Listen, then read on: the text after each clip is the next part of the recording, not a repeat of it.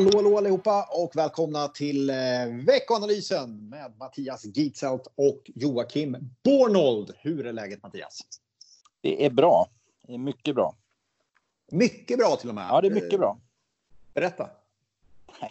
Det är, det är bara att eh, det börjar bli fint väder och det känns allmänt bara bra. Ja, skönt. Jag håller med. Jag håller med. Det är måndag eftermiddag när vi spelar in det här. Eh, livet är gott. Det är sol och eh, inte ett moln på himlen. Eh, vad kan då gå snett? Eh, det mesta kanske. det mesta kanske, jag vet inte. Eh, men en hyfsat positiv börs eh, förra veckan får man väl säga i alla fall. Ja. Fortsatt optimistiskt. Ja, tycker jag. Alltså, fortfarande så är det ju, vi nämnde tror jag redan förra veckan att det fanns lite hopp om ett nytt vaccin. Det gav lite stöd. Eh, centralbankerna fortsatt eh, aktiva. Vi kan prata säkert mer sen om den här återhämtningsfonden eh, från EU som presenteras från eh, Frankrike och Tyskland. Eh, börserna var upp som sagt. Eh, handelskonflikten mellan USA och Kina ligger i och för sig bubbla lite sådär, men men ändå, ja, jag tycker ändå det finns viss optimism och framför allt att eh, smittspridningen faktiskt fortsatt verkar gå till rätt håll i alla fall. Så mm. ja, det känns, känns lite bättre. Just det. Ja, jag håller med. Eh, det, det, är väl positivt det förstås. Eh, vi har ju eh, faktiskt... Eh, tiden går fort när man har roligt, höll jag på att säga. Tiden går fort oavsett. Men på torsdag så släpper vi årets andra strategirapport. Yes. Eh, så jag antar att det, du har jobbat lite med det ett tag, eller? Ja, framförallt mina duktiga kollegor har ju skrivit en del eh, i den och eh, det är eh, alltid spännande. Vi har ju lite intressanta fokusområden som vi lyfter fram extra. Det kommer bland annat lite temainvesteringar.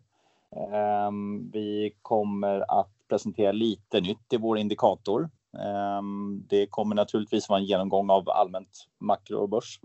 Eh, så att, ja, det kommer mycket spännande på torsdag. Eh, så det får man hålla utkik, utkik för. Efter. Just det.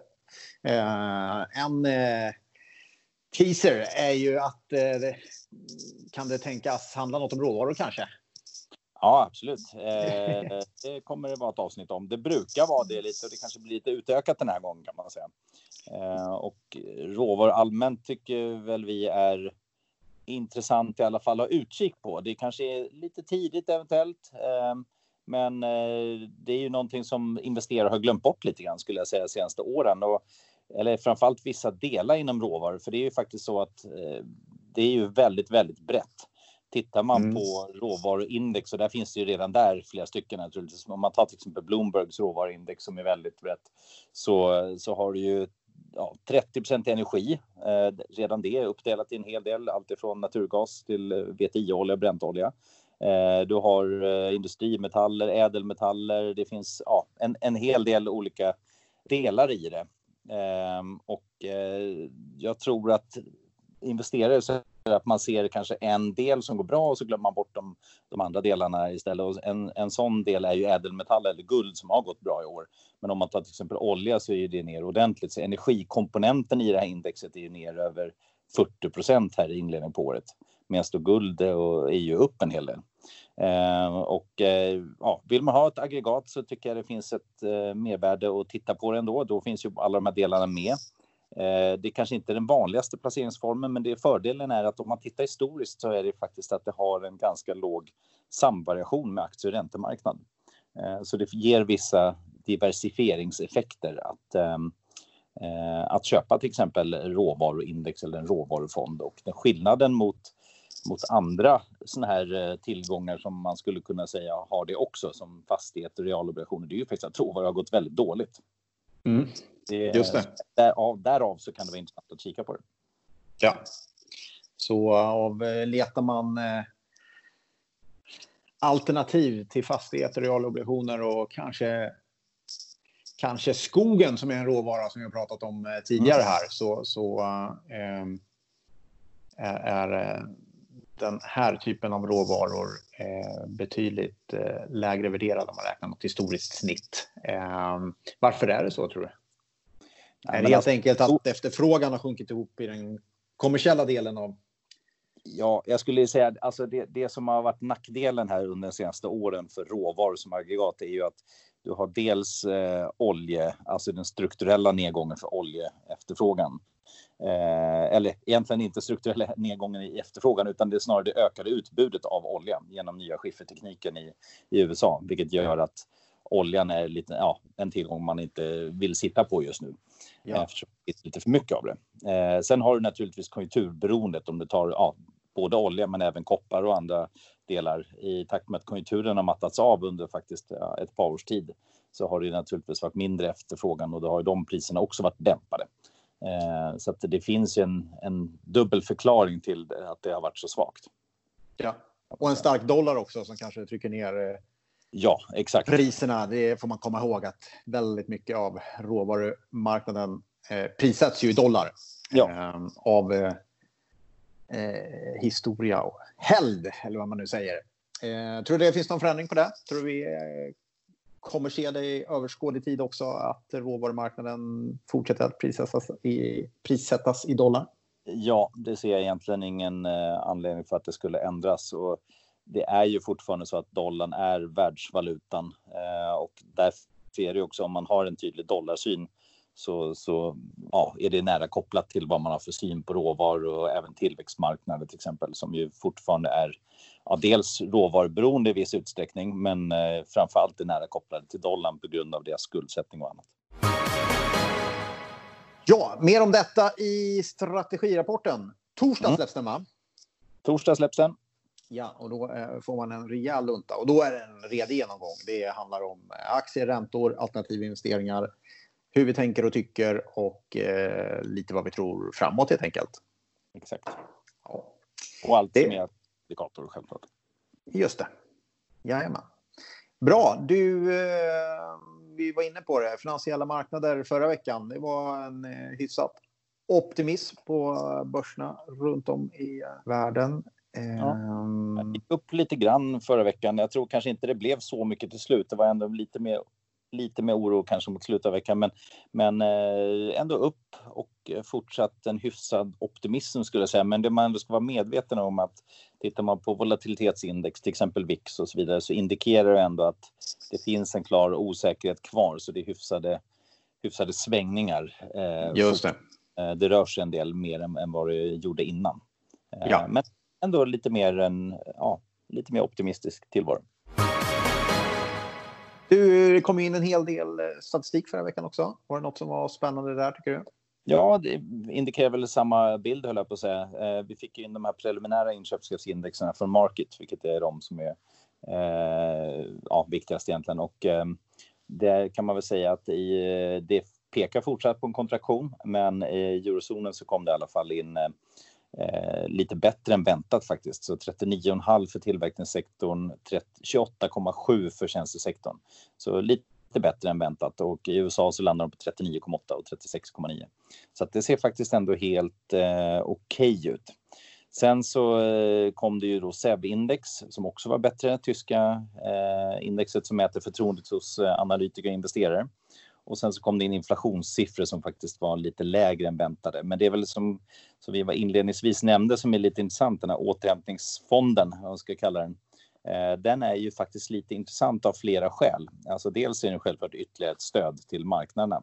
Men jag tycker också det politiska i det är lite intressant för det är ändå en, en viss ja, eh, som det ser ut så kommer naturligtvis mycket av de här pengarna på 500 eh, miljarder euro var det va? Eh, att eh, gå till de länder som har drabbats mest och då blir det väldigt mycket Italien och Spanien medan då alla EU-länder ska vara med och bidra.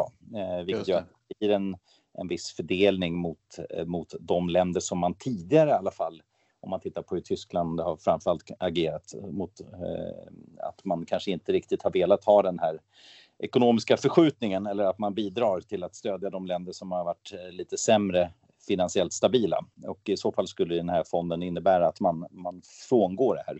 För det här är ju faktiskt ett förslag från eh, Macron och Merkel. Just det. Så att ett, ett, ett, tydligare, vad ska jag säga, ett, ett tydligare commitment till, till EU. Eh, e ja. Sverige tillhör de som är eh, klart skeptiska, kan tänka sig lån men inte bidrag. Eh, vi får se vad det blir av det. Um, men det är klart, det ligger rätt hårt i Tyskland och Frankrikes intresse förstås att hela Europa kommer upp i den här krisen på ett bra sätt. Ja. Um, förstås. Mm. Mm. Uh, den här veckan då, vad ska man ha koll på här? Folkkongress i Kina. Hade du, ja, tänkt åka, hade du åkt dit om det inte hade varit för eh, corona? Nej, det hade Nej. Men, eh, men ändå väldigt intressant naturligtvis. Eh, ja. Kina har ju stor betydelse för, för världens tillväxt och eh, hittills så har man väl eh, ja, slopat årligt tillväxtmål. Eh, pratar mycket om att man måste stödja arbetsmarknaden mer. Eh, kommer säkert en hel del ytterligare info i veckan, så såklart intressant att följa. Eh, sen är det naturligtvis om om det sker någonting mer i handelskonflikten mellan USA och Kina. Det har varit lite från kongressen faktiskt också lite signaler om att eh, ja, eh, ja, med lite hot från USA och så vidare. Så att, eh, där får man ju lyssna in och sen vet man inte alltid vad som är vad som bara sägs och vad som faktiskt menas. Men tonen har väl skruvats upp lite grann under kongressen har jag noterat. Eh, sen kommer det då eh, Beige Book som det heter. Eh, Just det. Publicering från Federal Reserve. Eh, och där kan man ju Eh, läsa sig till hur man resonerar lite grann kring de penningpolitiska besluten. kan vara intressant. Och sen har vi då i övriga delar av världen, framförallt Sverige, kommer det lite siffror. Vi fick idag faktiskt arbetsmarknadsstatistik, en arbetslöshet som landar på 7,9 procent för april. Eh, vi har KI-barometern som kommer här på torsdag. Eh, och sen så har vi då IFO-index från Tyskland i veckan. Så, ja. Eh, och inte minst då vad gäller återhämtningsfonden i EU, att det kommer lite mer eh, villkor kring de tänkta återhämtningsfonden.